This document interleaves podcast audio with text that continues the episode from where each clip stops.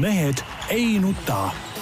selle eest, et mehed ei nutaks, kannab hoolt Unibet, mängijatelt mängijatele tere kõigile, kes meid vaatavad ja kuulavad, ükstapuha mis ajal ja ükstapuha millistest vidinatest. mehed ei nuta eetris, aga paraku on siin äh, suurepärases stuudios ainult kaks meest, Peep Pahv Eesti Päevalehest ja Delfist. tervist! ja Jaan Martinson Eesti Päevalehest, Delfist ja igalt poolt mujalt. aga Tarmo, lihtsalt Delfi mees, paraku äh, tema pea ümber hõljub koroonapilv ja ta on parasjagu, nagu ma saan aru, Peetri külas ja, ja naeru nägu ees. no mis see on siis, sa oled haige ju, nuuska ja. no Peeter, ma esiteks esiteks ma täpsustan muidugi, et äh, Peetri alevikus, mitte külas asun ma, et see on väga oluline nüanss selle juures, mis äh, samas on suurem kui nii mõnigi linn Eestimaal. ja muide, seda ma imestan ka, et miks Peetrile ei ole antud linna staatust. seal on ju jumal inimesi, vaata et varsti rohkem kui Narvas. põllupealne küla, mis linna staatus ja mingi ale, alev või alevik ta ka ei ole. õige alev ja alevik on ikka sihuke ajalooline metsade vahel, nagu näiteks Vasalemma ja Vasalemma aedlinn ja, ja ütleme need asjad. aga mingi see põllupealne küla jääb põllupealseks külaks, no see on siukeste noh, natuke ütleme siukse pseudomaainimeste elamiskoht, aga noh, noh, las nad siis seal ka nuusutavad siis värskemat õhku natuke, kui siin, parem ikka kui Tallinna linna vahel elada. Tarmal ei ole midagi selle kohta ütelda, aga, aga no ütleme. ei, ei olegi. aga ütleme nii, et nagu me näeme, eks Tarmo on küll äh, koroonas, aga, aga nägu on, on äh, rõõmus ja, ja midagi hullu ilmselt ei ole. ja tegelikult hullem lugu kui see, et Tarmo on koroonas, on tegelikult äh, nüüd selgus just vahetult enne saate algust. Selline kahetsusväärne fakt, et just siis, kui meie siin saadet alustame, tulevad meie toimetusse vastu kuklid. Ja see oli ilmselt meelega niimoodi tehtud, et mina ja Jaan ei saaks neid. Ja, ja me siin kaalusime tõsiselt, kas saade üldse ära jätta ja minna siiski tagasi toimetuse majja neid kukleid sööma, aga noh olgu peale, siis äh,, siis lähme ostame poest endale topelt pärast. ja, ja ma arvan, et ja, ja ma arvan, et kuulajad saavad aru, millise ohverdusega me praegu toime tuleme just kuulajate heaks. sest, sest mina olen ühe hommiku, hommikul juba ühe vastakukli söönud, ma tean, kodus mind õhtul ootab veel ees üks kukkel, oli plaanis täna töö juures ka, ma lootsin, et võimalikult vähe inimesi tuleb äkki tööle, et, et siis saab äkki rohkem kui ühe näiteks manustada. noh aga noh, näed, tehti niimoodi ära üks-null. no aga kõik need varasemad aastad, Peep, on väga hästi salvestatud minu arust äh, toimetuse äh, kolleegide ja sisekaamerate vaateväljas, mismoodi ütleme nagu kuue kaupa karpidega ikkagi sporditoimetuse nurka need äh, kuklid lähevad. no see alatu laim muidugi, see, see oli küll alatu laim, kuue kaupa karpidega see olid ajad, kui me kuus kuklit sõime, siis, siis kui me olime umbes kolmkümmend kilo kergemad. aga noh, kaks tükki oleks küll võtnud. huvitav, kas sa, Jaan, mingit seost ei näe, olid ajad, kus äh, tõesti kuue kaupa sai söödud, kui olid kolmkümmend kilo kergemad et, et ei, seost ei ole. kust need kolmkümmend tulid siis äh,? eaga kaasnesid no selge. no jah, oma naeru, naerunäo kohta ma tahan muidugi oma naerunäo kohta jah, ütlen ainult nii palju, et eh, hetkel on tõesti põhjust pigem isegi naerunäoga olla, et eh, eile õhtul, kui, kui eh, vimm peale tuli ja hommikul, kui ärkasin, siis tõesti väga nagu naeratav see nägu ei olnud, aga kuna nüüd pea on nagu selgemaks läinud, siis, siis see tunne, et, et tundub, et saab, saab kuidagi lihtsamini äkki, siis, siis see ajabki naeratama. aga sa ikka tõhustusdoosi tegid eile õhtul? ei, ei teinud kusjuures jah. ei no aga sul see pind tuleb sisse, miks sa ei teinud siis? isegi selle unustasin ära tõesti jah. jumal küll. ma lähen. Need on need noored, mitte midagi maailma ei jaga miskit. ma lähen, võtan kohe kohe jah, nii, aga läheme saatega nüüd edasi siis või? jah, ja enne kui me Ukrainani jõuame, sest Ukrainast on meil palju rääkida, Ukrainast ja spordist, siis äh, alustame pigem ralliga. jooksvate küsimustega nii-öelda, jah et Peebul oli väga meeliülendav nädalavahetus äh, Rootsis, äh, kus ta sai sumbata kõhuli, äh, kõhuni lumes ja vaadata, kuidas Ott Tänak kaks päeva lihtsalt oma autoga ringi töristab ja, ja surub gaasi alles põhja punkti katsel. et no ütleme niimoodi, et ma, ma olin ju esimesel rallil Monte Carlos täpselt samamoodi, kui Ott Tänak katkestas, ütleme niimoodi, et ei ole tore olla rallil no ei ole tore olla jaa, aga, aga muidugi ühes sa eksisid, et ta gaasi surus põhja siiski ka vahepeal, siis ta võttis vahepeal mõned kiiruskatsevõidud veel jaa, aga no siis eh, teised töristasid ju ka, see ja. no põhimõtteliselt üleüldine töristamine käis seal. no päris nii, ma ütleks, seal käis muidugi ikkagi ütleme, esikolmiku kohtade peale käis päris tihe heitlus, et, et, et, et ralli iseenesest oli päris, oli huvitav ja, ja põnev, et siin ei ole nagu midagi ütelda ja ja tuli siis võtta sellest eh, nii-öelda maksimum. Eh, jah, Otil siis läks, läks nagu läks, et selle, selle hübriidi, hübriidtehnika, hübriidtehnoloogiaga eh, mured on püsti ja, ja probleemid on püsti ja, ja, ja ma loodan küll väga, et see süsteem muutub, et sellist jaburust nagu, nagu seal välja tuli, et, et et nagu autol otseselt nagu midagi viga polnudki ja, ja korraga punane tuli põleb ja helistatakse, et kuule, nüüd pead katkestama täitsa tühja koha pealt, no ma ei tea, no see on nagu jura ja, ja kui ebakindlad need, need süsteemid saavad olla, et, et see, see on veel nagu topeltjura, et, et et siin ma saan aru, et ka Toyota tiim Elfin Evansi probleemide pärast on samamoodi seal tagajalgadel ja, ja, ja võetakse ilmselt mingi ühine, ühine selline rünnak selle asja vastu ette. ja, ja küsimus ei ole ainult selles, et, et see punane tuli hakkab seal põlema ja ja, ja äh, sa pead selle auto ära parkima vastavalt reeglitele, sa pead jõudma esimesse meditsiinilisse punkti nii-öelda, kus on äh, kus on need äh, arstionud ja tädid ja, ja seal pead selle auto ära parkima. aga pro probleeme on ju palju rohkem Ott Tänak ju, ju varemgi rääkis, et, et see hübriid ei tööta, et ta kann-, kannab lihtsalt sada kilo mingisugust täiesti mõttetut kasti selles autos. täpselt sama jama oli ju tegelikult äh, Kalle Rovanperal, kes ralli võitis äh, kogu viimane päev ja seal oli kogu aeg oli ohumoment, et lööb ka selle punase tule äh, põlema. ja, ja, ja samamoodi Jari-Mati Latvala Äh, ühest küljest Delfi Nevatsi pärast, aga teisest küljest just selle Romantpera pärast ütlevad, et kuulge, lõpetage see kuradi jama, et andke meile korralik hübriidsüsteem, mis töötab. ja, ja minu meelest noh, tegelikult äh, miks kõik, kõik nagu eriti pahandavad, on ju see, et neile antakse kätte mingid kastid, mille nad on kohustatud sinna autosse panema ja nad ei saa ise ei ehitada hübriidsüsteemi ega mitte kuidagi seda töökindlust mõjutada. ja no see ongi see, see mure, et, et, et kui siin mõnes teises võistlussarjas saavad tiimid ise kuskilt seda tellida, aretada, teha midagi, siis WRC-s seda võimalust ei ole ja ja, ja, ja nii, ja nii ongi, aga minu arust on see lihtsalt see, see, see niisugune, kuidas ma ütlen, nagu jõuline katkestamise käsk on ka ikkagi nagu, nagu jama, no üks on see, et okei okay,, need süsteemid töötavad, ei tööta, aga aga tervikuna see on nagu totrus, noh, et, et kui ta on nagu nästus, sa lülitad ta välja lihtsalt ja, ja ongi kõik, noh, sõida edasi, noh, milles küsimus on, ma ei saa aru. ja just täpselt ja teine asi on siis, kui on vaja välja noh, nagu lülitada või mis, palun siis sa, saatke helikopteriga siis äh, see vend kohale, kes seda süsteemi tunneb ja vaadaku seal üle ja ma tehku midagi, aga see ei saa ju olla niimoodi lihtsalt, täiesti lampi. Ott Tänak äh, võitles võidu pärast, ta, ta oli vist teisel kohal, kui ta katkestas. no üks koma üks sekundit vist oli vahet jah, kui ma õigesti mäletan. Elfi nemad teiselt kohalt äh, katkestas ja nüüd ongi, kaks etappi on läbi. Äh, Evansil on vist neli punkti kirjas, Ott Tänakul on viis punkti kirjas, no vabandage väga, see ei ole normaalne. Ja Evans siis sõitis ka väljaotsa minu arust, kui ma õigesti mäletan. jaa, aga see, ei, ta sõitis väljaotsa ja sellega nüüd siis see hübriidsüsteem hakkaski punast tuld näitama, noh.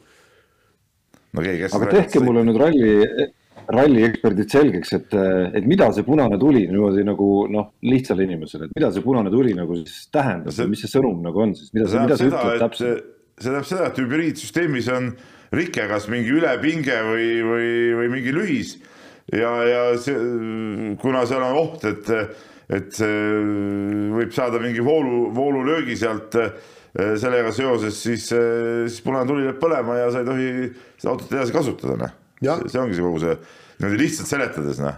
aga tegelikult peaks olema minu arust okay. võimalus lihtsalt see nii-öelda välja, välja lõigata sealt see see hübriidsüsteem ja, ja ongi kõik noh, et ei tohiks nagu mingit probleemi sellega olla tegelikult. absoluutselt, aga, aga jah, et, et see on nii-öelda. selle peaks saama panna nagu siukse a la nagu massilüliti oli vanasti, eks ole, autodel. lülitad selle välja, kõik, seda ei ole, seal ta võib seal oma noh, seda ei ole ka lühises ka kuskil, kui ta ei ole millegagi ühendatud või, või nagu ta on, siis ta on seal omaette nagu noh. jah, et sa küll kaotad sellega kogu oma selle nii-öelda lisajõu, aga no vähemalt sa saad edasi sõita. sa ei katkesta rallit, noh. jah ja., just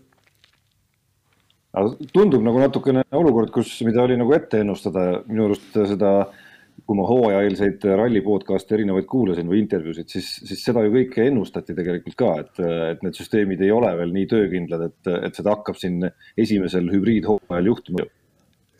Ja ega sellega on ju kogu aeg terve jama olnud, mäletate, kõigepealt need tarniti eh, tiimidele need hübriidsüsteemid laiali ja, ja siis, aga, aga seal ei olnud seda eh, nii-öelda võimalust ühendada vooluvõrku.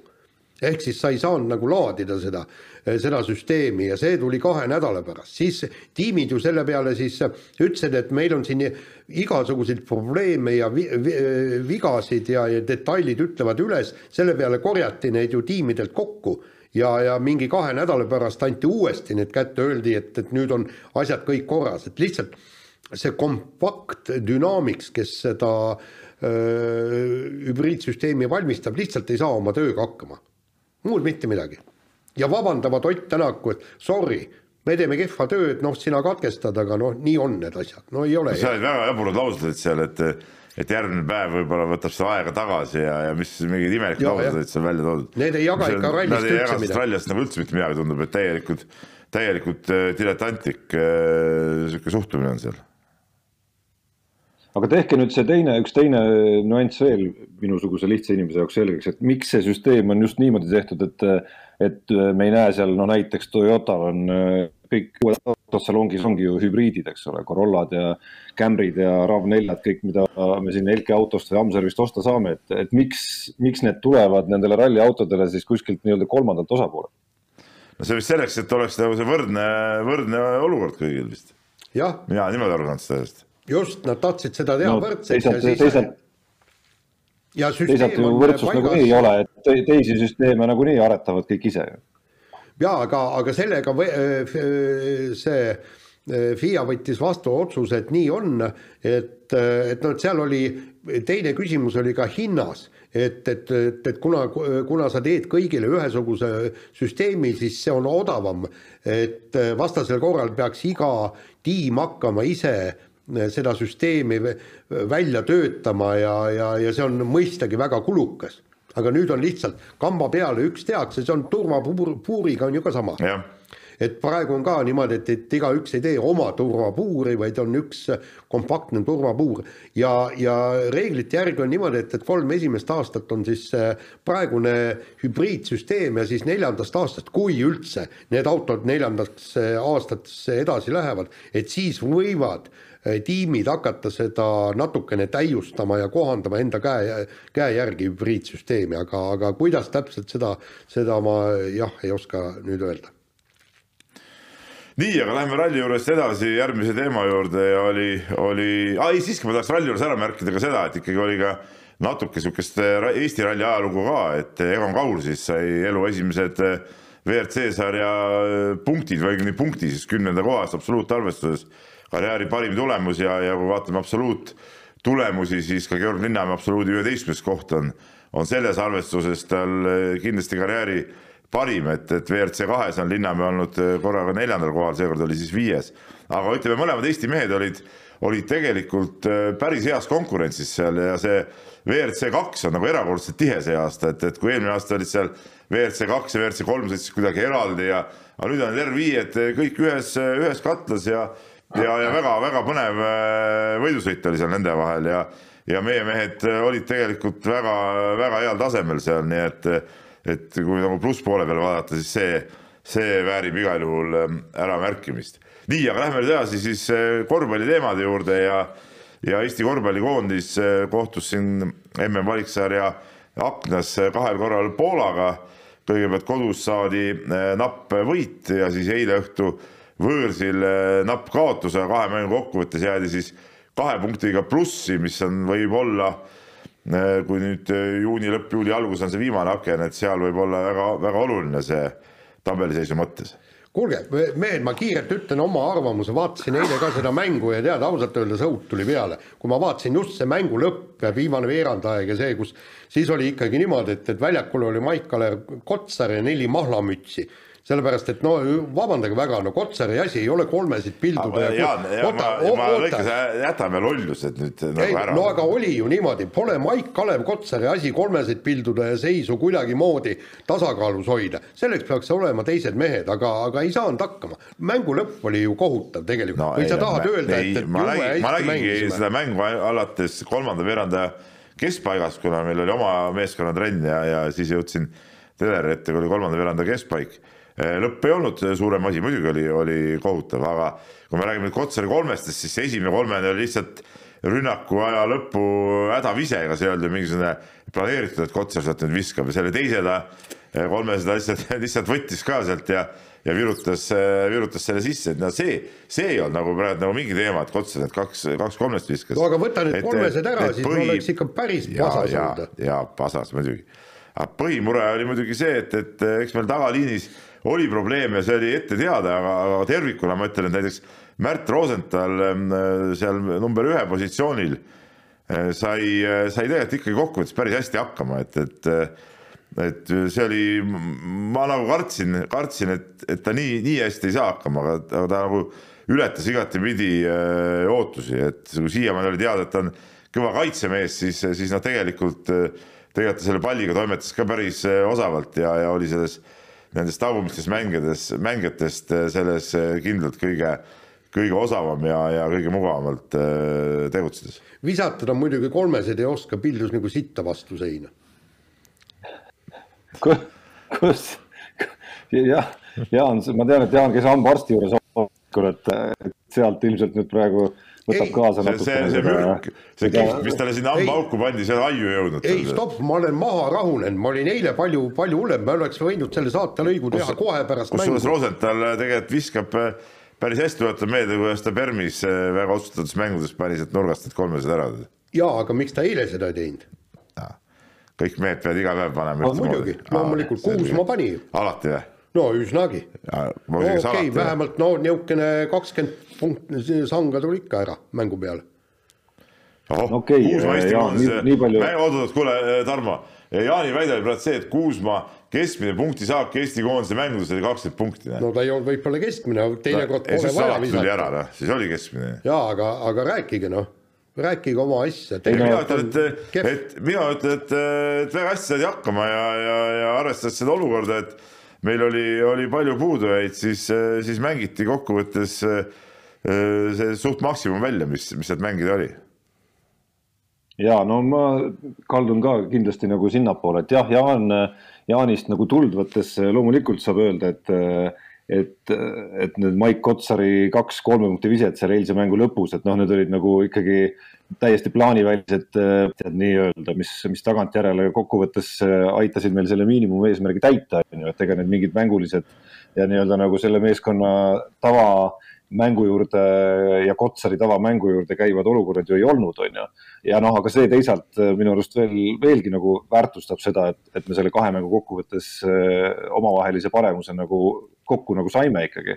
et, et selles osas sa, saadi need lõpud nagu mängitud ikkagi nagu okei okay. ja ma tuletan meelde ka esimese mängu lõppu, et lõpuks see kahepunktine paremus, mis meil on kahe mängu kokkuvõttes, sündis ju viimasel sekundil pärast time-out'i joonistatud liikumisest, mis, mis väga ilusti nagu ära tehti, et, et jah, mõlema mängu teisel poolajal, kui poolakad oma survet panid ja, ja noh, meie seal noh, esiteks tuleb sul väsimus, teiseks tagaliini haprusest on, on räägitud palju, et selge, et läks mõlemas mängus nagu raskemaks rünnakul eriti oma kohtade saamine, on ju, aga et see, et kahe mängu kokkuvõttes jäädi plussi, minu arust öö, oli nagu ikkagi nagu positiivne ja üldse positiivset nendest kahest mängust jääb nagu rohkem näppude vahele, kui, kui seda osa, mida Jaan oleks tahtnud eile õhtul kohe otse saates hakata lahkama no nii. Tarmo hangus ära, ma siit Tarmot, Tarmo jutu pealt jätkan, et, et, et loomulikult positiivset jäi jäppade vahele palju palju rohkem, et see on, see on selgemast selgem, et, et kokkuvõttes erinevatel hetkedel erinevad mängijad tõusid esile, tegid, tegid mängu ära, võtame esimese mängu lõpus seal Siim-Sander Vene loomulikult individuaalse meisterlikkuse pealt otsustav korv. noh, eilses mängus siis Kotsar, Jõesaar kindlasti väga-väga olulises rollis tegi, tegi häid, häid liigutusi, noh Rosenthalist sai juba ka räägitud, et siin nagu, nagu mehi oli, kes, kes ikkagi tõusid esile sellel hetkel justkui oli tarvis tõusta ja, ja, ja, ja mängisid, ega, ega vastas ei olnud mingi nõrk võistkond, et Poola on väga tugev meeskond, mis nad olid eelmisel MM-il kaheteistkümnendad või, kui ma õigesti mäletan, et, et. kaheksandad. kuidas? kaheksandad hoopis. kaheksandad isegi, veerandfinaali jõudsid. ja veerandfinaali jõudsid jah, ma ei tea, kus mul kaksteist võtsid. et, et, et igal juhul väga tugev võistkond ja, ja, ja, ja mina olen küll rahul, mina küll rahul. mis aga oli naljakas, oli see, kuidas eilse mängu lõpus eh, poolakad ehm, eh, pluss kahe pealt eh, läksid kohe hästi kiirelt seda kolmest üritama, ta oleks peaaegu mängu ära kaotanud sellega. et see neil endil jooksis ka vist natuke aju kokku, et, et see oli, see oli nagu täitsa ajuvaba lahendus, et et äh, ma vaatasin, et näed, et Eesti saabki siit veel äh, omakorda veel vaata, et võidu kätte, eks ole. No eks see aju jooksis kokku seal meie poolel ka, et Kaspar Treier pärast lauapalli, et ta kohe selle pealeviske tegi selle asemel, et oodata või et Vene ei võtnud kolmest, et see kahesele minek oli seal ka selline, et me oleks lisaaja võib-olla saanud sealt ja ma ei teagi tagantjärele kas see oleks siis hea olnud või mitte, on ju, et kui me oleks pärast lisaajal kaotanud no, rohkem kui neljaga, siis no, Vene nagu endal oli seda kolmest väga raske võtta sealt, see on nagu selge. Et see põrgatuse pealt mees oli ka lähedal, et, et see, see oleks nüüd olnud hea lahendus küll, aga seal oli võib-olla suts aega, et, et, et no sisse ja, ja uuesti välja sööta, aga noh, läksid, läksid päris, päris teravuse peale välja, noh, see, ma, ma seda viimast rünnakut nii, nii hukka ei mõistakski tegelikult. aga jah, et, et tõesti, kui siin nagu näppude vahele jäämisest rääkida, siis no Luist oli vaadata ju Maik-Kalev Kotsari mängu nagu mõlemas kohtumises, et äh, me nägime oma silmaga, kuidas, kuidas see poolteist hooaega Hamburgis on, on teinud tast ikka väga korraliku ja, ja Euroliiga tasemel mehe, me nägime nagu oma silmaga seda minu arust, seda kasutegurit nagu igas väljaku otsas, no see kaks kolmest muidugi olid seal selline plaaniväline boonus siis sinna juurde. Ja täpselt sama ma ütleks ka Janar Jõesaare kohta, et, et tema võimekus seal natukene võib-olla oma positsioonist väljas mängides meeskonda rünnakul vedada, samamoodi oli näha, et on toimunud seal hea hooaja tuules korralikus Saksamaa liigas on toimunud äh, selge nagu mingisugune edasi ja kindluse või stabiilsuse teke. Ja noh, siis boonus muidugi on see, see nii-öelda koduliiga mängujuhtide paar ehk siis Rosenthal ja, ja Post, eriti Rosenthal aga, aga ma kindlasti ei jätaks ka posti välja sellest, et kes ikkagi nagu vedasid äh, väga korralikult välja, et minu hirmud olid äh, küll üsna suured enne, enne seda kohtumist, teades just, kuidas poolakad tahavad väga suurt survet panna. Ja kuigi äh, jah, poolakatel oli ka mehi üksjagu puudu võrreldes siis seniidi mehest Bonitkast ja nende ameeriklasest mängujuhist, siis noh, need, kes seal olid, olid ikkagi sellised Poola liiga oma satside nii-öelda nagu liidermängijad kõik seal tagaliinis, kes seal üksteise järel käisid õppimas seal mehi, et, et see, et nad nii hästi hakkama said äh, selle survega, oli minu jaoks isegi natukene positiivne üllatus ja mis nagu kõige ägedam nii-öelda näppude vahele jäämisest oli taaskord see tõdemus, mida eriti Tallinnas, kui, kui sai külje joone tagant seda mängu vaadata äh,, väga selgelt nagu tekkis selline nagu ülijärg ja, ja, meeskonna vaim ja selline nagu võitluslikkus, mis selle uue põlvkonna Eesti korvpallikoondisel on ja, ja ma kahtlustan, et lisaks sellele, et kihvtid poisid on uuest põlvkonnast tulnud, et tuleb ikkagi ka peatreener Jukka Toierat kiita selle eest, et see, et see nii kõik nagu välja näeb, kus üks mees kukub korvi all pikali ja isegi keskjoonelt eh, nii-öelda esimene, teine, kolmas mees nagunii, aga siis keskjoonelt veel neljas eh, väljakul olev kaaslane jookseb ka teda püsti aitama. nii. nii, võtame järgmise teema ja, ja räägime siis tennisest, Anett Kontaveidist kes äh, mängis siis nii-öelda kõrgema kategooria turniiri, ehk siis äh, järgmine äh, tase Grand Slam turniirist mängis Dohas ja kaotas finaalis Igas Sviatekile väga kindlalt kaks, kuus, null, kuus, aga aga ütleme niimoodi, et, et seal mängus ei olnud Antent Kontaveit see, kes ta oli eelmistes mängudes, et tal olid mingid probleemid, ta ise andis ka teada, et, et keha, keha on tugev, aga vaim oli nõder sel päeval ja ja, ja ta ei ole nüüd ähm, ise välja öelnud, mis ta ütles ka, et ta ei taha täpsustada, et mis tal viga oli, noh, siin võib aimata üht-teist, kolmandat, aga aga tegelikult, kui, kui nüüd tennisest rääkida, siis äh, need eelmised mängud me just meie tenniseeksperdi Gunnar Leestega päev enne finaali arutasime, et, et pagan küll, et, et kas, kas Kontaveit mängib praegusel hetkel maailma parimat tennist, eks. ja, ja leidsime, et, et äh, tahaks väga näha teda mängimas Ashley Partiga, kes on äh, maailma esinumber, sellepärast et see, et, et kuidas Kontaveit seal Olts Jabööri vastu ja, ja ähm, Jelena Ostapenko vastu äh, suutis, suutis ka rasketest olukordadest välja tulla ja, ja ta mängis peaaegu eksimatut mängu. Et, et, et seda oli nauditav vaadata, et ta on, ta on, tundub, et teatud hetkedel on tõesti noh, et ta no tal nagu nõrkusi ei ole et, et, et võtame kas või Ostapenko vastu, kui ta teeb esimeses setis ainult kaks lihtviga ja kuidas ta siis seal päästab eh, tugevate servidega oma servigeime, sest Ostapenko mängis teises setis tõesti täiesti suurepäraselt.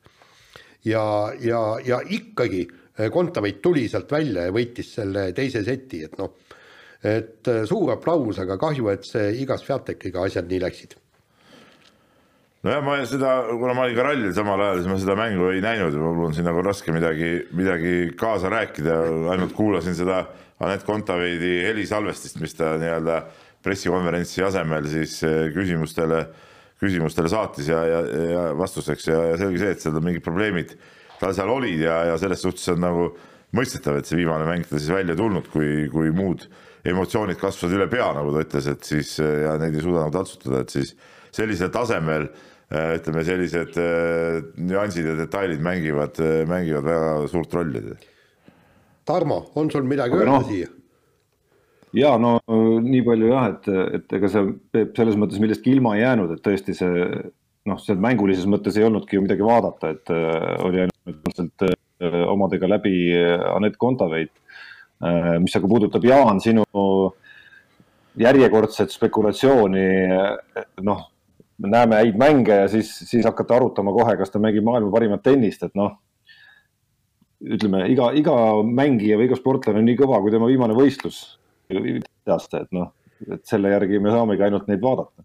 Ja ei, absoluutselt, aga, aga siit tulebki järgmine küsimus, teine, teine küsimus oli ka selles, eks, et, et okei okay,, ei ole tore, kui Anett Kontaveit tõuseks maailma esinumbriks, praegu nad on viies reket, oleks ta Sviatekit võitnud, oleks kolmandaks tõusnud ja, ja kõik see, see on jube tore aga kes seda enam mäletab tulevikus, me räägime ikkagi, ikkagi suurest lämmivõidust ja, ja siin, siin on paratamatult nii, et sa pead mängima seitse, seitse päeva kahe nädala jooksul maailma parimat tennist, kui sa tahad äh, sinna välja jõuda. kõik just oligi hea, et eelnevate mängudega ma, ma ei, ma äh, eelnevate mängude põhjal võib öelda, et jah Anett Kontaveit võib võita Grand Slam turniiri, aga siis tuli üks väikene ebakõla sisse ja kõik ja, ja kui see ebakõla tuleb esimeses, teises, kolmandas, neljandas, viiendas ringis, poolfinaalis, ongi kõik.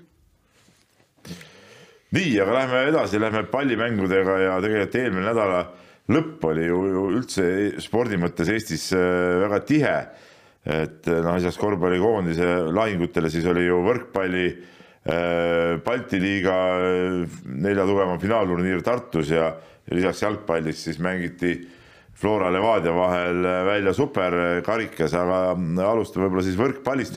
mis ma nagu ütlen, olles ise seal Rootsis rallil, mul jäi selline mulje, et kuidagi see, et see võrkpall ja no see jalgpall ka, et nad jäid kuidagi nagu, okei okay,, siin olid muud ju sündmused, need sõjad ja asjad, aga ka ütleme spordi mõttes, eh, ka spordiportaalide mõttes jäid kuidagi nagu väga siuksed tagaplaanile või, või ei, ei kerkinud nagu kuskilt esile, et kui, kui ütleme nädalavahetusel ka kergejõustiku Eesti meistrivõistlused, millest me räägime natuke hiljem, siis ütleme, see oli nagu nähtav kuidagi ja, ja oli kuidagi nagu teistmoodi. Ja oli see korvpallikoondise mäng nähtav, aga see võrkpalli Balti liiga eh, finaalturniir ja, ja, ja ka see jalgpalli, eh, mõlemad jäid nagu väga-väga siukseks äh, nagu marginaalseks või väga kaugeks millegipärast. jaa, aga ma võin omalt poolt öelda, et mikspärast ta nii äh, jäi, oli see, et, et Tartu Bindpank oli ka äh, ühest küljest oli suur favoriit ja teisest küljest ta mängiski oma, oma äh, võimu puhtalt välja ja, ja olgem ausad, ma jälgisin seisu, ma ei vaadanud mängu, okei okay,, poolfinaali ma väga, aga finaalis. Ma vaatasin seisu ja, ja üheski, ühelgi hetkel ei tekkinud seda seisu jälgides soov panna see telepilt peale. sellepärast, et kui üks meeskond on teisest nii, nii üle ja ma ei ole nüüd nii sügav võrkpallifänn, ma oleks tahtnud intriigi, oleks seal, oleks seal geimi lõpud niimoodi läinud enam-vähem. Või siis, või siis seal kuidagi läinud viiendale geimile või oleks siis äh, äh Tartult kas või üks geim ära võetud, eks, siis oleks teleka võib-olla käima pannud. Et, et see oli nagu üks põhjus. No,. koduse võrkpalli maagia on natuke nagu ära kadunud, et kui mäletame siin kahe tuhandendatel aastatel olid ikkagi vägevad vastasseisud ja finaalid siin Pärnu, Tartu vahel ja, ja, ja Pärnu ja Silvester ja, ja siuksed, siuksed võimsad seeriad ja asiotaaž oli püsti ja rahvas, rahvas oli saalis ja, ja oli palju lugusid ja siukseid huvitavaid asju, siis, siis praegu nagu seda, seda ikkagi nagu millegipärast ei ole. ja aga, aga ma ütlen. minu arust te natuke. jah, räägi. minu arust te natuke nagu, natuke nagu liialdate, et et äh, noh, see oli nagu paratamatu, kui see, kui see finaalturniir sattus just sellisele nädalavahetusele, kus esiteks sattus ka nii-öelda sõda on ju, mis puudutas, kui sa rääkisid sport, portaalidest, Peep, noh siis see puudutas ju spordiportaale kahtlemata. WRC ralli, Eesti korvpallikoondise tähtsad valikmängud, et, et ja noh, neid asju veel ja veel on ju, et noh, see oli, see oli nagu loogiline, et, et ta nagu pidigi jääma selles, selles võitluses nagu tagaplaanile no aga sellega, selle eel ei olnud nagu midagi. Tegelikult, kui veel sõda ei olnud, ega selle eel ju mingit erilist äh, põnevust ju tegelikult ei, ei olnudki ju noh. no aga nii ta paraku nii ta paraku on, aga, aga mis puudutab nüüd äh, jah, ütleme võrkpallis veel... Eesti, Eesti liiga äh, mänge ka veel näha, et, et, et kas seal nüüd midagi muutub, et ma ütlen, et mina nii palju kui, kui ütleme natuke sellise pealiskaudse vaatajana võib-olla see TalTechi või, või noh, mina ütleks ka TTÜ selle võistkonna vastu, ütleme selle finaali jõudmine oli pigem nagu väike üllatus ja ma ei tea, kuidas teile tundub? no ma, ma ei ole nii spetsialist, et nii detailidesse langeda. ja mina pigem oleks tahtnud siin äh, ka sellise nii-öelda harrastus pigem nagu rõõmustada selle üle, et see igavus on mõnes mõttes ju kompliment äh, Tartule ja Tartu peatreenerile Alar Rikbergile, kes, kes nagu ikkagi nagu nüüd peatreeneri rollis minu arust äh, noh, teeb nagu, kuidas öelda, karjääri ja tõusu ikkagi. tuleb nagu reaalne edulugu, et, et loodame, et see läheb samas, samas tempos edasi, jõuab, ma ei tea, Eesti koondise äh, välisklubideni kõigini välja. seda kindlasti. aga mis jalgpallist rääkida, siis äh, Flora Levadia või Levadia Flora, kuidas pidi ütelda, see superkarika finaal. Äh, nii palju, kui ma siin põgusalt rääkisin meie jalgpallispetsialistidega ka, siis siis ähm, noh, sellest hooajast üldse eeldatakse võib-olla Levadia võib-olla suuremat ülekaalu, kuna Florast väga palju olulisi mängijaid lahkunud, aga öeldi, et selles mängus vähemalt äh, Flora nägi välja üllatavalt äh, hea ja kobe. Jah, äh, ja seda, seda nii-öelda ma ka seda mängu ei vaadanud, aga seda ütlevad ka teised ja ja kui seal räägiti nagu seal ETV spordisaates seal noh, räägiti mängust pikemalt, oli ikkagi niimoodi, et, et Flora nagu Äh, surus, tal oli rohkem võimalusi, aga paraku läks mäng nii, et, et, et võitu ei tulnud ja aga jällegi noh, ütleme need superkarikad, need on ka noh, nii ja naa. põhiliselt on hooajaline kontrollmäng tegelikult. jaa, ei absoluutselt jah. oma olemuselt. et vot see päris karikas, et, et sellel on kindlasti rohkem kaalu ja ja, ja vaatame, mis see nüüd tšempionaat tuleb, aga väga-väga tore oleks, kui, kui kaks meeskonda äh, samamoodi nagu vist oli mullu, eks ju, viimase mänguni kuidagimoodi äh, venitaks punkt punkti heitlust niimoodi, et, et viimases voorus alles tšempion selguks. et, et see, see oleks äge. no tegelikult on superkarikas minu arust natuke rohkem ikkagi äh, vähemalt tänu sellele, et Flora ja Levadia vahel on tekkinud selline väga selge rivaliteet eelmise hooajaga, et, et kuni see duellid püsivad äh, nende vahel eriti siis, siis mulle, mulle tundus, et siin oli juba nagu suure mängu õhku päris kõvasti, isegi kui ta jäi nagu muude asjade varju nädalavahetusel. ja aga, aga lihtsalt äh, seda küll, aga, aga kuivõrd see äh, superkarikas, kuivõrd palju ta väärt on võrreldes päris karika ja Eesti meistritiitliga, vot see on küsimus.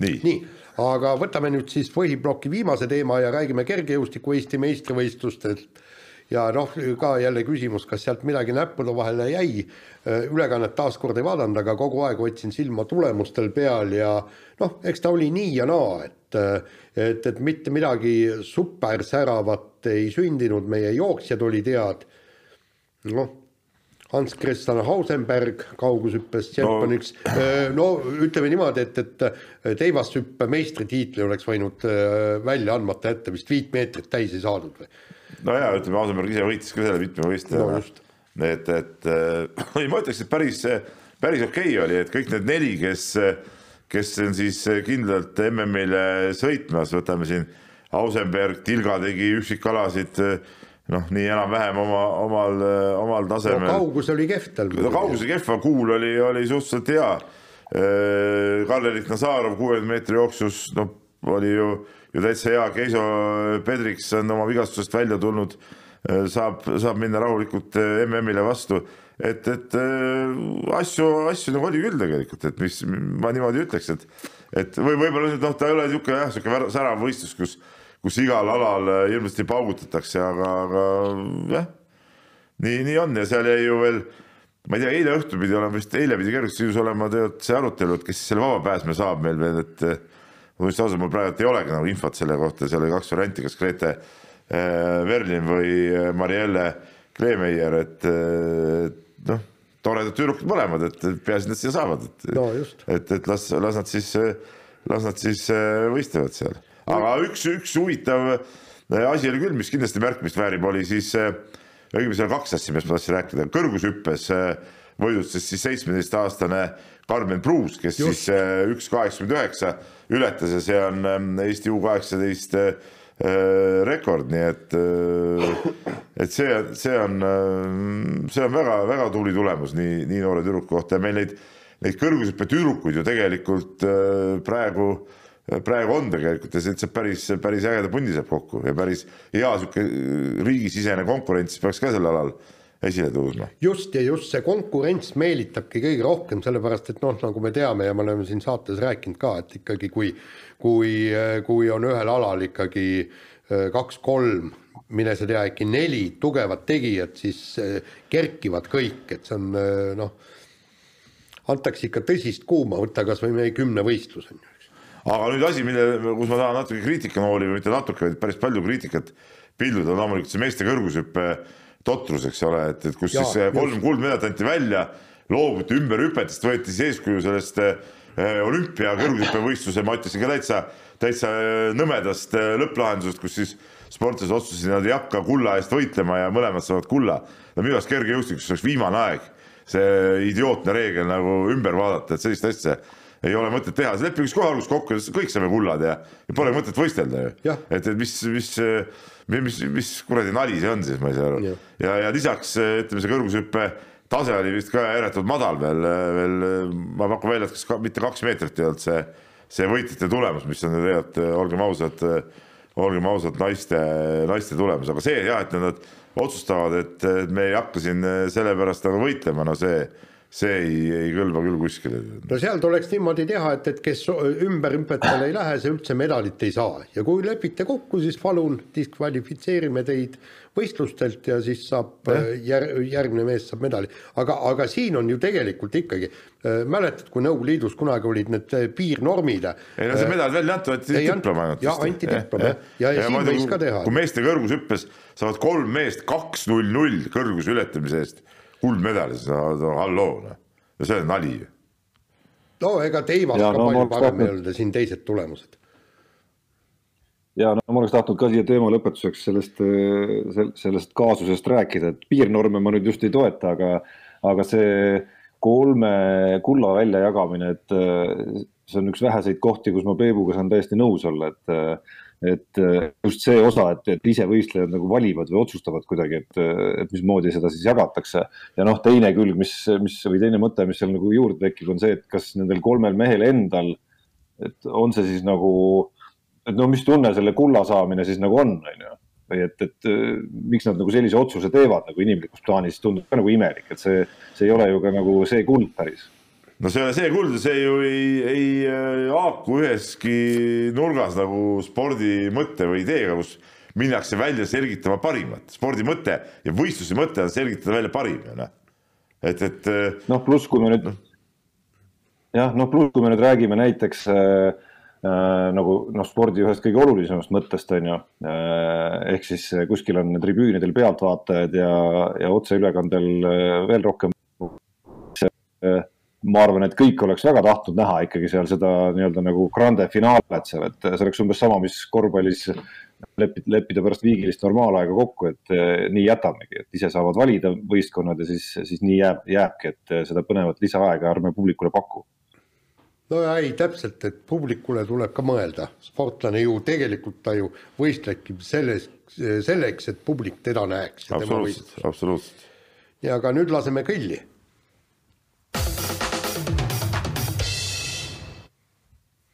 nii, ja siis äh, nagu öeldud, nüüd viimased päevad ja, ja eelmise nädala lõpp on kõik tegelikult läinud ühe tähe all ja, ja uudistes on äh, on siis äh, Venemaa sõda Ukrainas, Venemaa ja Valgevene sõda Ukrainas, ehk siis äh, venelased ise ütlevad, et, et oota, mis see oli, erioperatsioon. muide, Venemaal pidi, pidavat nüüd see Äh, raamatu pealkiri Sõda, rahu ka ju ära muudetama, erioperatsioon ja rahu on. nojah, aga miks ka mitte. just, ja, ja tegelikult noh, okei okay,, me ei hakka neid sõju, sõjasündmusi siin võib-olla äh, niivõrd äh, lahti arutama, aga, aga tegelikult minu jaoks oli ja kindlasti ka Putini ja venelaste jaoks oli, oli, oli see muljetavaldav, kuivõrd võimsalt kõik need sportlased, spordialaliidud võistlused, kõik, kõik need ühise rindena hakkasid venelasi kottima, ehk siis näidates välja, see on, see on tegelikult heidutus nii-öelda ja näit-, näitasid välja oma suhtumist selle sõja suhtes ja, ja mida tegelikult väga ei lootnud. rahvusvaheline jalgpalliliit, kõik, Valgevenele, Venele piir, piir ette, ei mingisugust äh, mängimist rahvusvahelistel no see võttis ka ikkagi aega, see otsus ju tegelikult, see see esialgsed otsused olid ju palju leebemad, aga kui, kui need eh, riigid, seal oli Poola, Rootsi ja ma ei mäleta, kes see kolmas oli, Tšehhi. Eh, tuli, ütlesid, et noh, nemad Venemaa nagunii ei mängi ja, ja, ja lõpetame ära selle jama, eks ole.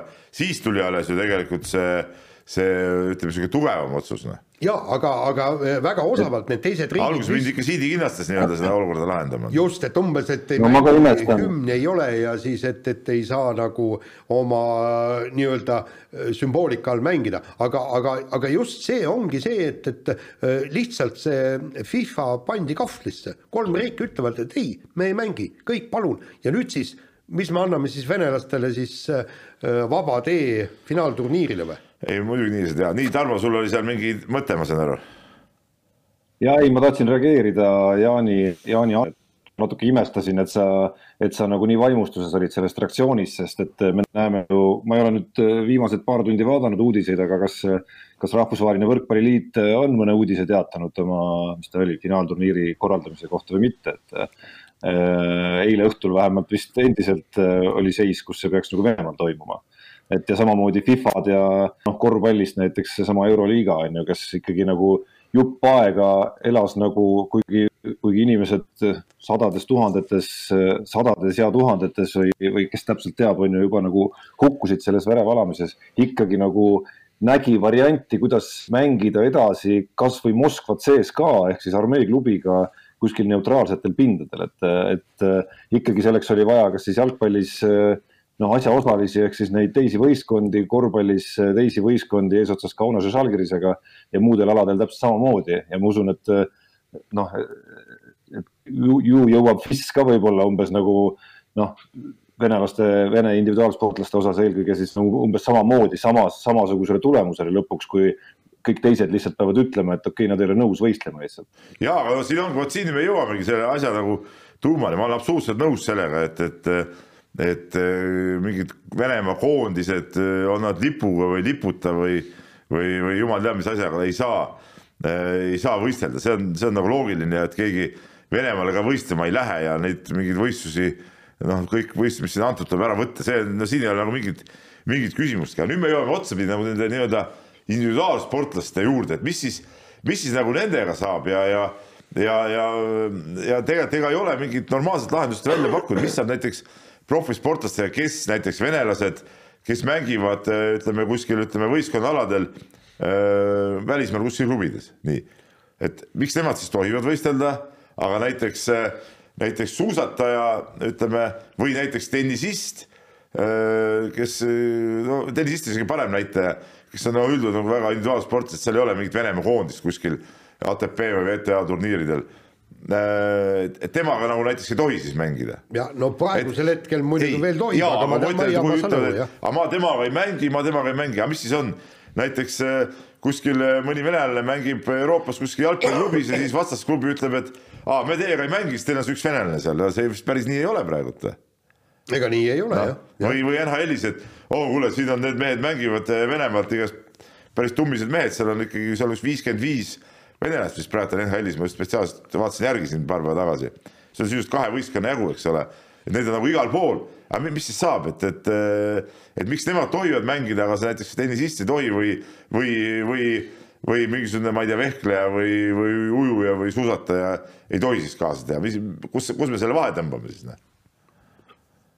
no ongi väga keeruline mis seal salata, siin eile õhtul palavikus olles ka, teades, et see tuleb meil teemaks, siis üritasin mõelda no, jupp aega, et kuhu see joon, kuhu see ja täpselt, et kuhu see joon siis nagu täpselt tõmmata, et ilmselge on see, et, et karistada tuleb igal rindel nagu noh, aga kus see joon siis tõmmata, et kuskil on üks, üks nii-öelda nagu noh, ütleme siis üks ots on see, et, et kõik Venemaa kodanikud umbes kõikidest nii-öelda siis nagu kuidas ma ütlen, mis noh, nii-öelda meie leeri riikidest kõik saadab umbes välja, eks ole, nagu ameeriklased äh, jaapanlasi vist hakkasid teise maailmasõja ajal äh, vähemalt mingist osast riigist lihtsalt välja saatma, ükskõik ja see küsimus ei olnud kas sportlane või, või mõne tehase tööline, on ju.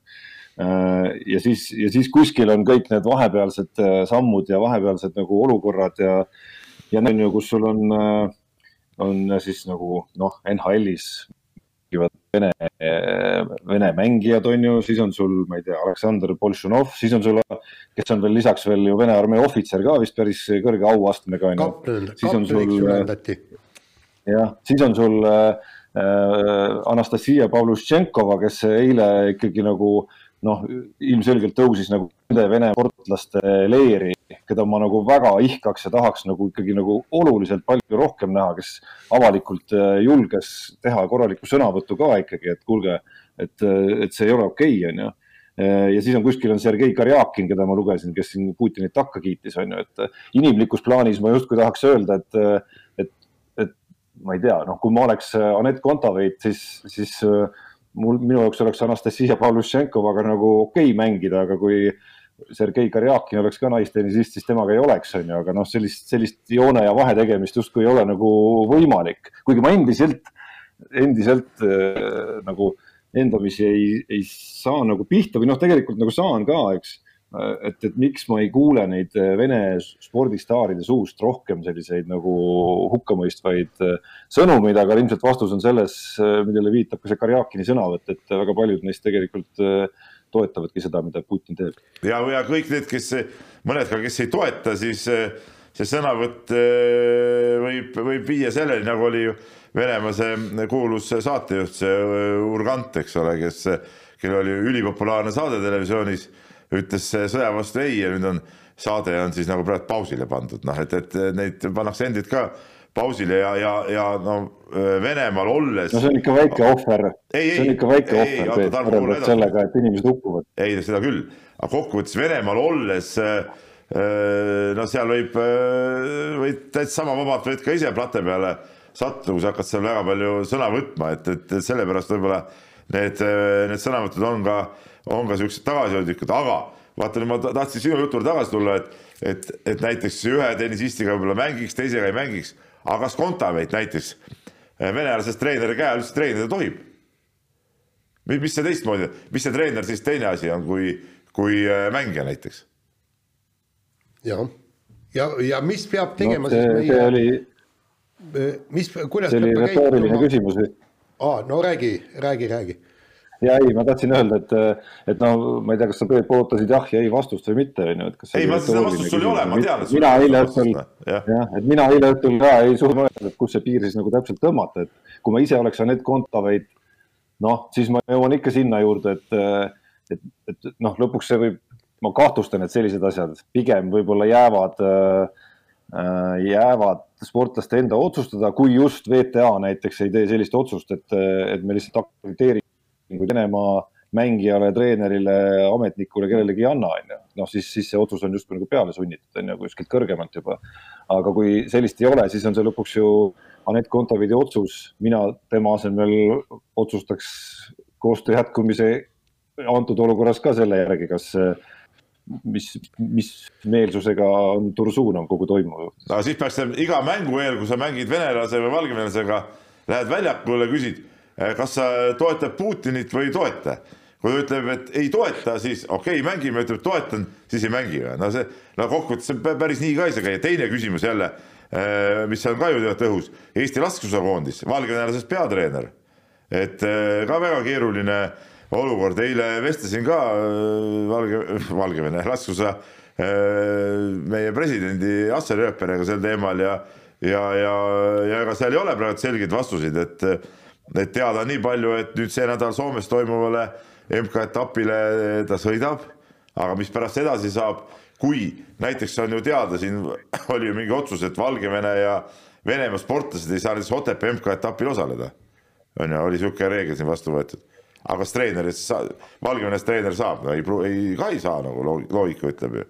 Et, et siin nagu, ma ütlen neid no. lahtisi otsi, et, et lihtne on muidugi öelda, et, et teeme nii või teeme naa, aga tegelikult neid, neid selliseid lahtisi otsi on, on ikkagi, on ikkagi väga-väga palju, noh ja, ja tegelikult, kui me, ma, ma arvan, et, et see ei ole nagu väga õige ka, et, et panna sportlast nagu otsustama, kas ma mängin või ei mängi. ei, see ei ole üldse õige minu arust, jah ja sellepärast, et spordi tegemine on nende töö, neil sõltub sissetulek kõigest sellest. aga, aga nüüd nad ongi niimoodi, ma kujutan ette, et nad tahaksid ise nagu nagu äh, kas tennist nende vastu mängida, vehelda ja kõik, eks, aga, aga see on äh, mõneti ka väline surve, mis, äh, mis paneb neid ei ütlema, sest kujutad ette, on ju, et sa, sa lähed ja võistled venelasega ja, ja siis sotsiaalmeedias tuleb niisugune sopp sulle kaela kohe.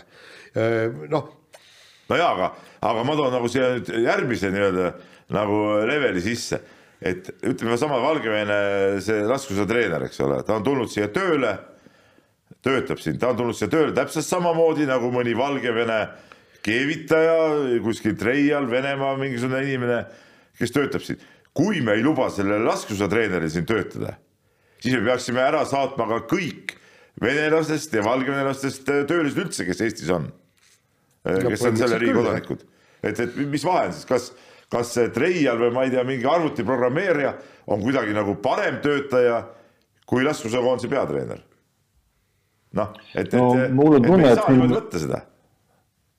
ja mul on tunne, et siin mingi, mingi nagu olemuslik vahe ikkagi jookseb sellest, kes äh, esindab selgelt nagu Venemaa riiki noh, sportlasena siis eelkõige. no aga ta treenib teise riigi võistkondades, esindab Venemaa riiki. ja, ja see, et treener on teine asi, et ma just taustal siin korraks äh, avasin Eurospordi kodulehekülje ja nägin, et siin äh, ma ei tea, kas esimene, aga, aga vähemalt üks tennisilinas ongi teatanud juba, et, äh, et tema edaspidi Venemaa tennisistide vastu keeldub mängimast. okei okay,, Svitolinast võib veel tema päritolu arvestades eriti aru saada, aga, aga noh, fakt on see, et tennisistid ikkagi nagu mängivad niimoodi, et neil on nagu nii-öelda Vene lipp ikkagi kuskil küljes, kui sa, kui sa võtad protokolli lahti, on ju, ja nad esindavad oma riiki, on ju, et noh, seal see vahe nagu jookseb.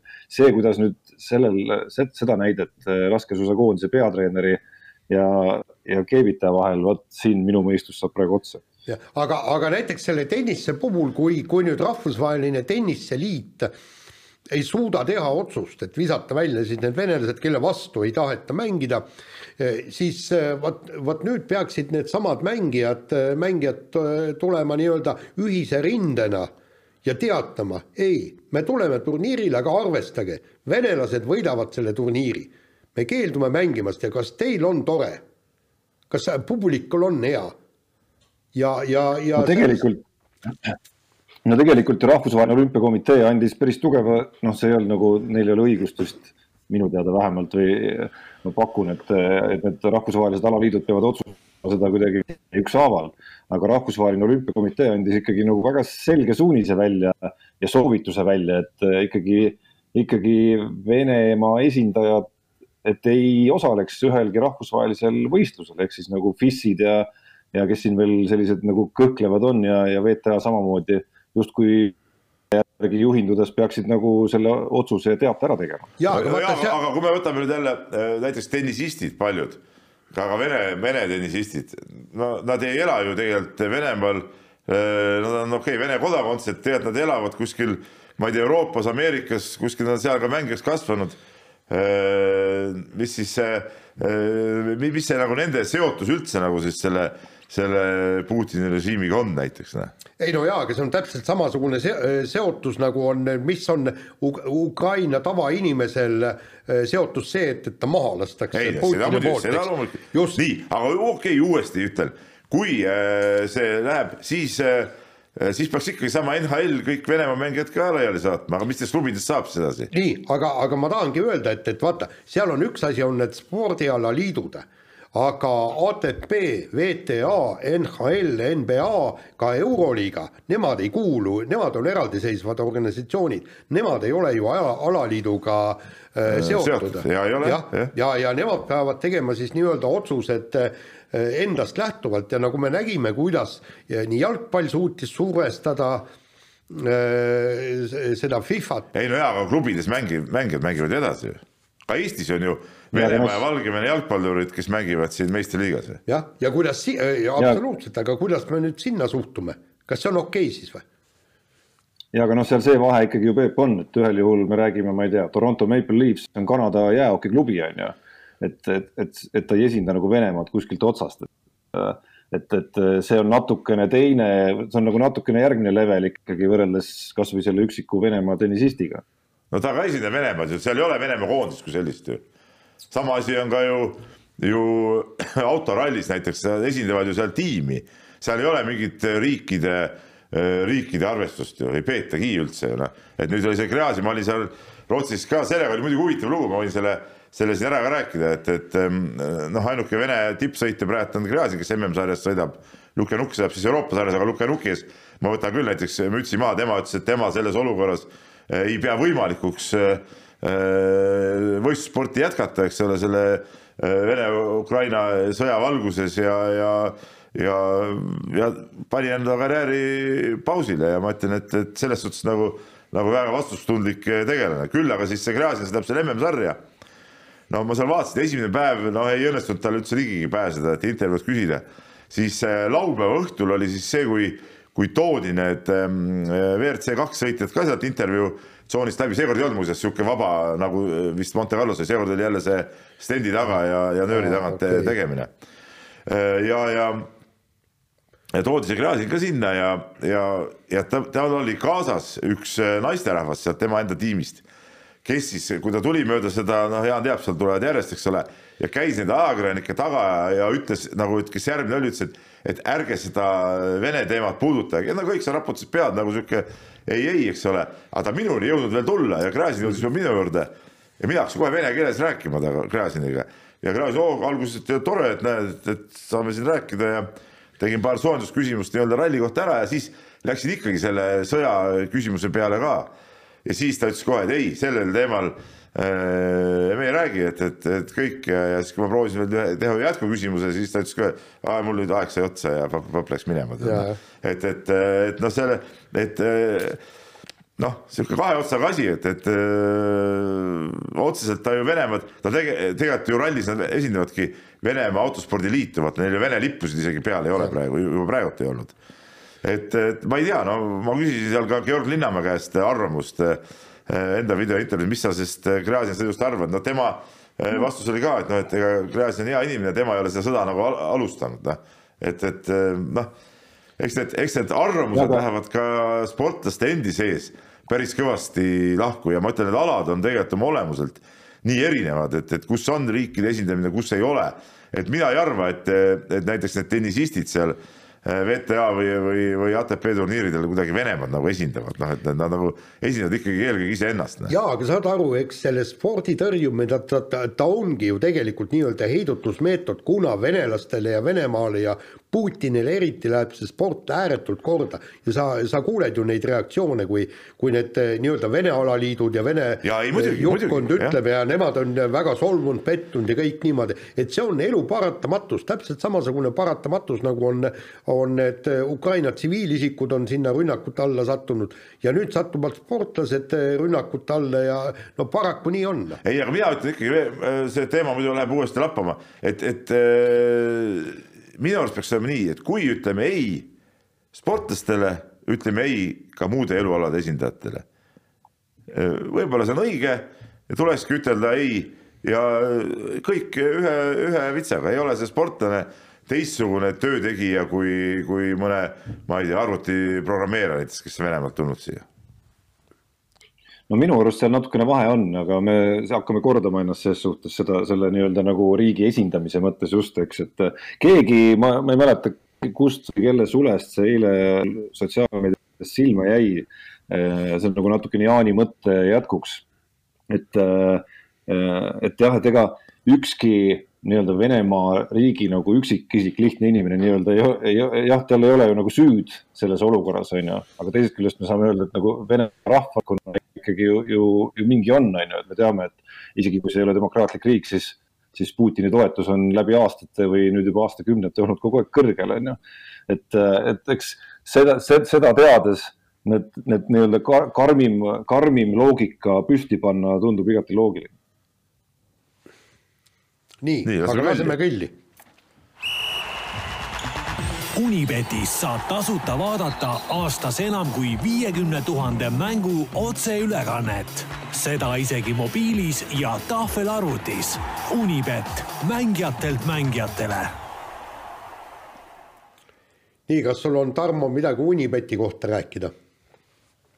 no minul endal on rääkida tegelikult äh, head kuigi see saldos äh, kajastub, minu saldos kajastub miinusmärgiga, nagu te teate, ma investeerin aeg-ajalt äh, sellesse, et Eestil hästi läheks tegin seda ka eile korvpallikoondise puhul.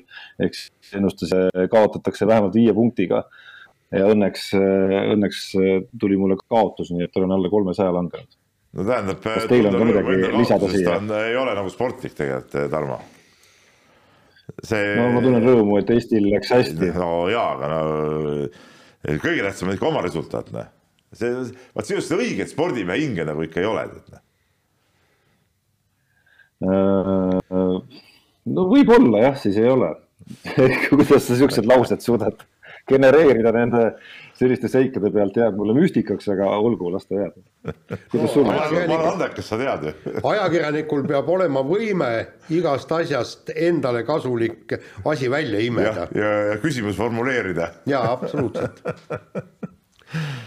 nii, ma nii, tunnistan, et ma tunnistan, et rallil olles äh, ma seekord pidin passima, et mul nagu ei tulnud seekord nagu resultaati ja, ja mina võtan nüüd asja sel nädalal ja selle nädala lõpus käsile, teen oma arve korda ja siis hakkan. no jaa, aga see on käsitamatu, kuidas sa suudad oma arvet korda teha ah,. tead, muudki teha, mööda olümpiat kammida ja, ja siis. no mis see olümpia oli, hea puhkusreis. oh jaa, aitäh sulle. Hiina.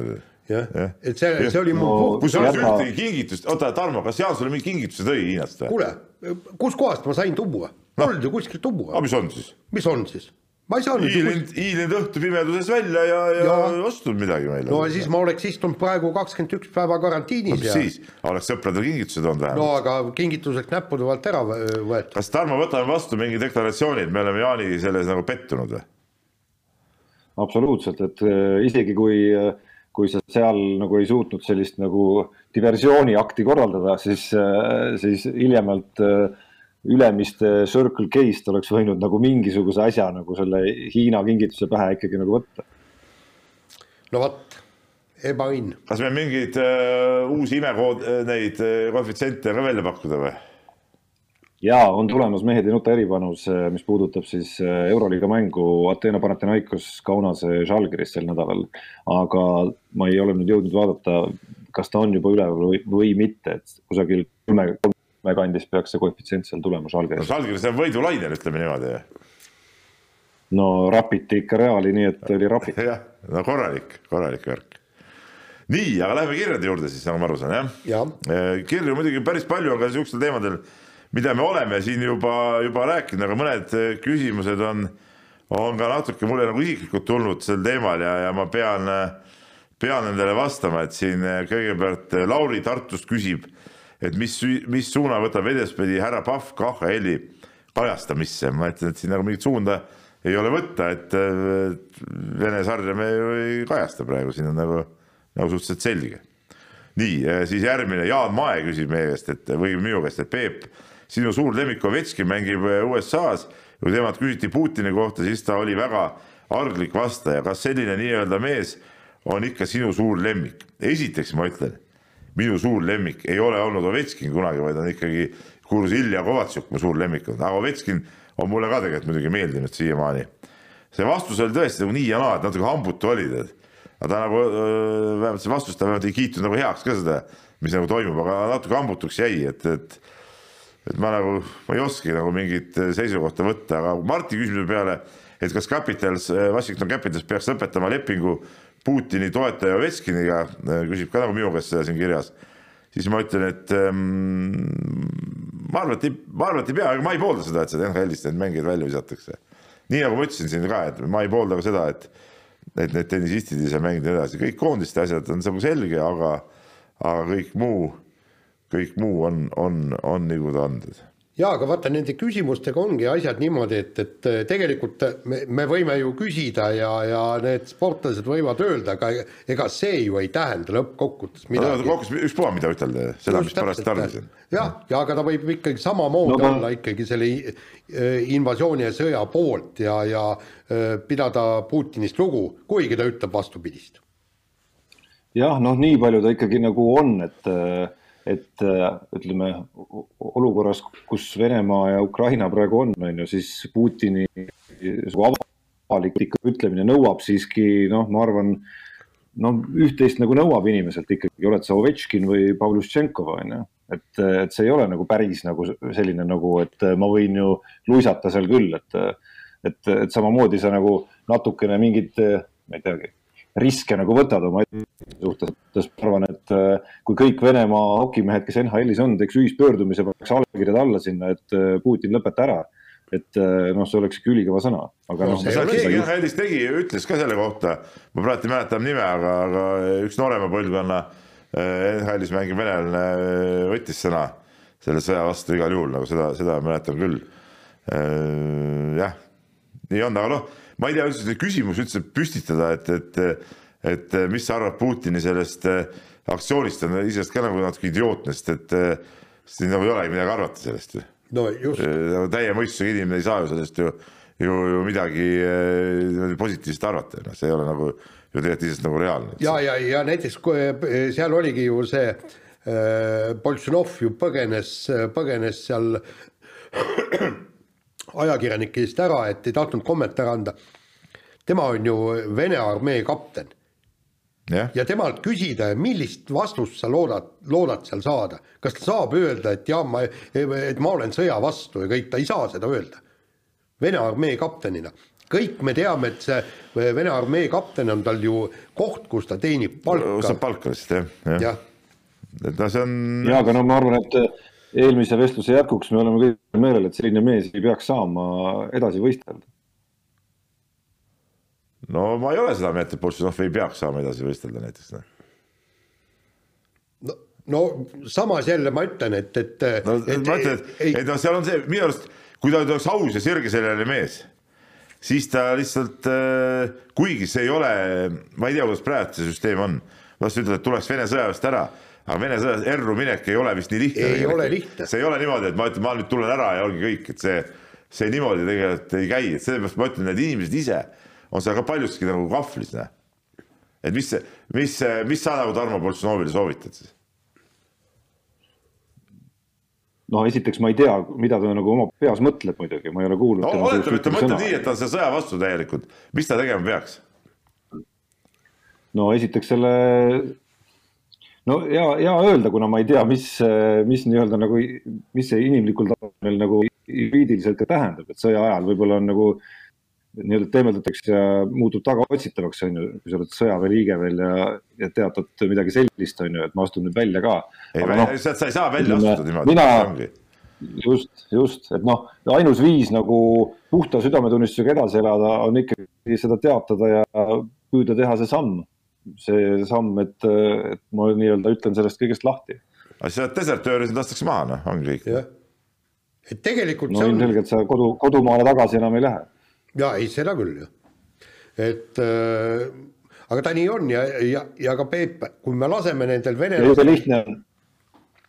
ja jube lihtne on siit soojast toast muidugi öelda seda kõike. jah, ja kui me laseme Boltšunovidel võistelda, siis miks peaks Anett Kontaveit keelduma ei, ma räägingi, jah, no, ma räägin, ja, ja, ja uuesti jõuame sama, ärme lähe uuesti sama jutu peale. ja siis me leiame, et see on täiesti õige, et, et meie suusatajad võistlevad Venemaa kapteni vastu. nii, aga teadlane Priidik eh, küsib meile sellist asja, kas saatejuhid saavad valgustada, kuidas kulgeb spordiametniku karjäär ja millised omadused peavad olema, et kinnitada kanda spordiorganisatsioonide kõrgemates kihtides küsimus on kantud FIFA ja Võrkpalli Assotsiatsiooni ajudoonorite otsusest mitte tühistada võistlusi, no see kiri saati enne, kui see FIFA otsus lõpuks ikkagi tuli. Äh, mitte tühistades võistlusi osalevad Vene sportlased.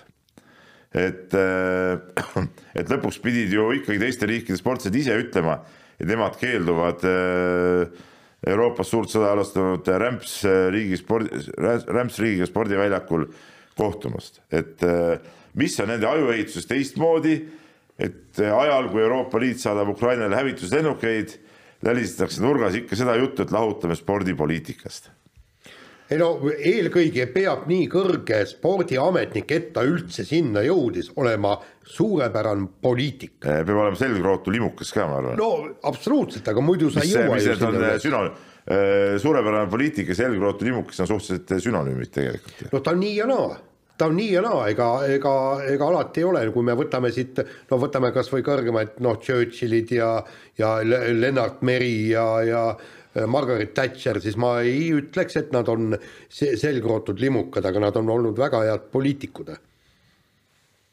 et aga, aga just, et, et ta peab olema mm. väga hea poliitik ja kui ta juhtub olema selgrootu limukas, vot siis ta ongi nii, niisugune ajuehitus tal ongi nii, Tarmo. no ilmselgelt ei saa siin nagu ühe vitsaga, ühe vitsaga rammida, ma ei tea, loodan, et kuulete mind ka, et, et vaatame kasvõi meie kodukamarale, et Urmas Sõõrumaa ja, ja Siim Sukles on ju nagu väga reljeefsed ja resoluutsed olnud äh, päevast üks alates põhimõtteliselt, et võtan ainult mütsi maha. jah. ja ei, see on, on nende meeste suhtes on raske vastu vaielda. nii, aga lähme nüüd, võtan viimase kirja ja, ja Indrek kirjutab meile ja, ja kirjutab nii et jälgisin reedel maailmameistrivõistlusi motolotos. mul tekkis küsimus, miks me peame FIA WRC sarja veel spordiks, kui sellel on tegelikult rohkem sarnasust lotonumbrite loosimisega. ta toob siin välja täiesti absurdse olukorra siis Tänaku hübriidmootoriga. Äh, samamoodi oleks võinud öelda pärast lumevallisõitu Priini startinud meestele, et te nüüd kahjuks peate katkestama, aga te võite jätkata superralli süsteemis et ähm, järgisin juba Marko Märtin aegadest päris hea meelega rallit, kuid viimased aastad on minus tekitanud pettumuse selles alas ja pigem loen õhtul uudiseid, kui jälgin võistlust. absurdsed olid ka need eelmise aasta WRC etapid, kus esimestel startijatel oli tee korras ja viimastel oli oht keset teed sõites kinni jääda. Peebu põhjendustele tahaks kohe vastuargumendina öelda, et tuhande, kümne tuhande meetri takistusjooksus ei ole ju aktsepteeritav, et esimene jooksja tõmbab raja kõrvalt varustust rajale ette. rallis on loomulikult juhuslikkust rohkem, aga korraldaja peab tagama, et rada on kõigi jaoks võimalikult samas konditsioonis. kui teele tulevad kivid, mis on autole ohtlikud, siis tuleb need enne järgmist startijat kõrvaldada. praegusel kujul meenutab ralli küll rohkem lotot, seega kutsun üles Eesti ajakirjandust tulevikus regulaarselt kajastama Eesti meistrivõistluse etappe bingolotos. noh, meeleolukas kirjatükk Indrekult ja aga, aga mõnes mõttes on, on tal küll õigus, et nende, neid näiteks neid kive, mis sinna on tulnud, et neid võiks, võiks eemaldada, aga, aga, aga see on jällegi niimoodi, et ühes kohas on publikut ja kus saab eemaldada, teises kohas pole. ma ütlengi ja..., vaata Jaan, erinevalt sinust, minagi teinekord MM-rallidel käin ka raja ääres mm. -hmm. ma tean, et sina ei viitsi käia, sina istud oma mugavas hotellitoas, pahvid seal oma seda äh, e-sigarit ja vaid arvutit, mina käin nagu ütleme seda asja koha peal ka ikka nuusutamas alati. ja, ja tegelikult ütleme kohtades, kus on pealtvaatajad või, või kus on need kohtunikud parajasti kuskil kurvides. kivid, mis välja tulevad, üldjuhul alati kiiremas korras koristatakse ka ära. et sellised kivid, mis teede peal on, ongi kohtades, kus üldjuhul kedagi ei ole. ja no see ei ole ka võimalik, et sa ju palistad kiiruskatsete ääred kõik inimestega, et siis kes vajadusel korjaks neid kive sealt ära, no see, see ei ole ka nagu reaalne asi. või siis iga auto ees tuleb sahaga vend, kes selle tee nagu siledaks tõmbab. et no kokkuvõttes on ju ka ju, ma ei tea, ka, ka kiiruisutamises on ju nii, et, et eh, enne peale jääpuhastust esimesel paaril on on puhas ja järgmisel natuke rohkem ja siis rohkem ja siis rohkem, ütleme, ära sõidetud ja ka ilusutamises, eks ole, noh, et, et no see paraku on niimoodi, no aga midagi, midagi no, nagu teha ei ole. võta sõudmises, kuigi okei okay,, nemad saavad nagu tulemuste järgi pannakse, aga seal on, kui tuul no eel, eelsõidus pannakse ikkagi ju loosiga rajad ju just, ja tegelikult finaalis ka kunagi ei tea, kuskohast tuul puhub ja vaata, kas see oli olümpial, kui äärmised paatkonnad äh, oli, oli palju soodsam. on ju, aga suusatamises olnud olukordi, kus ma mäletan, mis see oli, mingi Valgevene vend tuli MM-i lõbedale. Äh, Sapporo MM. Sapporo MM oli see üheksakümmend kaheksa vist jah? ei, kaks tuhat seitse. kaks tuhat seitse, mitte üheksakümmend kaheksa, kaks tuhat üheksakümmend kaheksa olümpia, ütlesin vahe segast praegu jah. vot seal oli ju, hakkas lumesadu tuli ja, ja oligi tähtsust teist. ja, ja, ja kusjuures seal oli ju veel see absurdne asi et kui Jaak Mael ei oleks, vaata, ta oli seal vigastuse paus ja ta sai mingid minu meelest FIS punktid või kõik niimoodi, kui tal poleks neid FIS punkte olnud, ta oleks seal Valgevene, Valgevenelase sabas kuskil sõitnud ja kõik ja, ja oleks tema ka, esikoha võitis ju see äh, laskesuusataja, Norra laskesuusataja, mitte Björndalen, vaid Aa, see teine. ja, ja, ja, jah, oli jah aga ma ei suuda praegu ka nime välja ütelda. ja Jaak Mael oli tead nippa-nappa, sellepärast et Jaak Mae ees hakkas just lund sadama mm. -hmm. oleks ta paar minutit eespool startinud, oleks ka medalile tulnud, vaata et maailmameistriks. et spordis ikka paraku on siukseid, siukseid äh, momente. ja no väga põnev äh, arutelu, ma tegelikult ise vajusin mõttesse siin endiselt veel meie eelmise poole tunni teemadel. Äh, et kuidagi jõudsin mõttes sinna, et et nagu kellelgi siis just nimelt nendel Vene, Vene suurtel sportlastel võiks olla nagu moraalne kohustus sõnakas olla, ilma kartmata kõiki mis iganes tagajärgi, et ja, kui nendel ei ole, siis kellel veel? ja, ja saad aru, seda on väga hea öelda, aga kui sa elad sellises režiimis, siis see ei pruugi olla väga lihtne, sul on perekonnad ju Venemaal ja kõik, mis nendest saab? saan aru sellest, saan aru sellest, aga ikkagi vot nii, aga ikkagi, Tarmo, saa nüüd terveks seal kiiresti. et järgmine saade eh, võiks toimuda juba siin. ja, ja loodame. sul on muidugi no. sümptomid, erinevalt minust, vaata, kellel sümptomeid ei olnud mina sain suht kiiresti välja, sul võib minna muidugi natuke kauem. sa ütled, et sul on palavik seal või no. köha-nohu või mis sul oli seal? ja no sul oli väsimus, ma tean, see on ka sümptom. no ja, aga noh, see mul nagu, mul ei no ütleme, siis haigustunnuseid mul tegelikult noh, päris haigustunnuseid nagu ei olnud nagu. no, no näis, ma loodan, loodan ka, et, et, et toimub kiire, kiire seljatamine. aga ikkagi no, selles suhtes, Tarmo, ma soovitan sul, eh, mina need päevad, mis ma kodus olin, ikkagi iga päev eh, tarvitasin eh, ka seal jõin teed ja, ja kõiki neid klassikalisi, klassikalisi külmetushaiguse nii-öelda ravimeetodeid, kuigi mul nagu ei olnud, siis ma nagu ennetamiseks siis nii-öelda Eh, kasutasin neid, neid asju ja, ja perearst muuseas soovitas paratsetamooli võtta, võtta iga päev ikkagi eh, kolm korda päevas õigemini niisama nagu sisse, ma ei tea, kas see aitab midagi või ei aita. ja tõhustusdoos on ka väga ja, hea. ja väike snapski jah, ma, kui sul ei ole, ma võin sulle tuua midagi tead ja, ja, ja arvesta tead, et tõhustusdoos on selleks hea, eks, et kust tuha, tulevad välja aurud kurgust ja ninast ja kus kohas on kõik need pisikute pesad, kurgus ja ninas. et, et ühesõnaga äh, hävitab, nõrgestab ja teeb tuju heaks. Nagu mitte näha, pisikutel, vaid sinul. nagu näha, on Jaan muidugi see tõustusdoosidega nagu liiale läinud, mis ka tänases saates ja üldse viimasel ajal saadetes on ka ilmselgelt nagu välja löönud.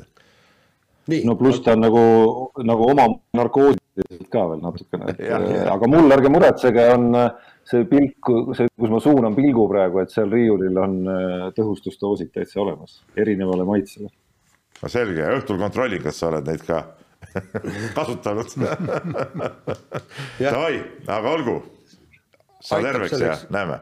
aitab selleks korraks, saade lõppenud, kuulake meid järgmine kord. mehed ei nuta. saate tõi sinuni Unibet, mängijatelt mängijatele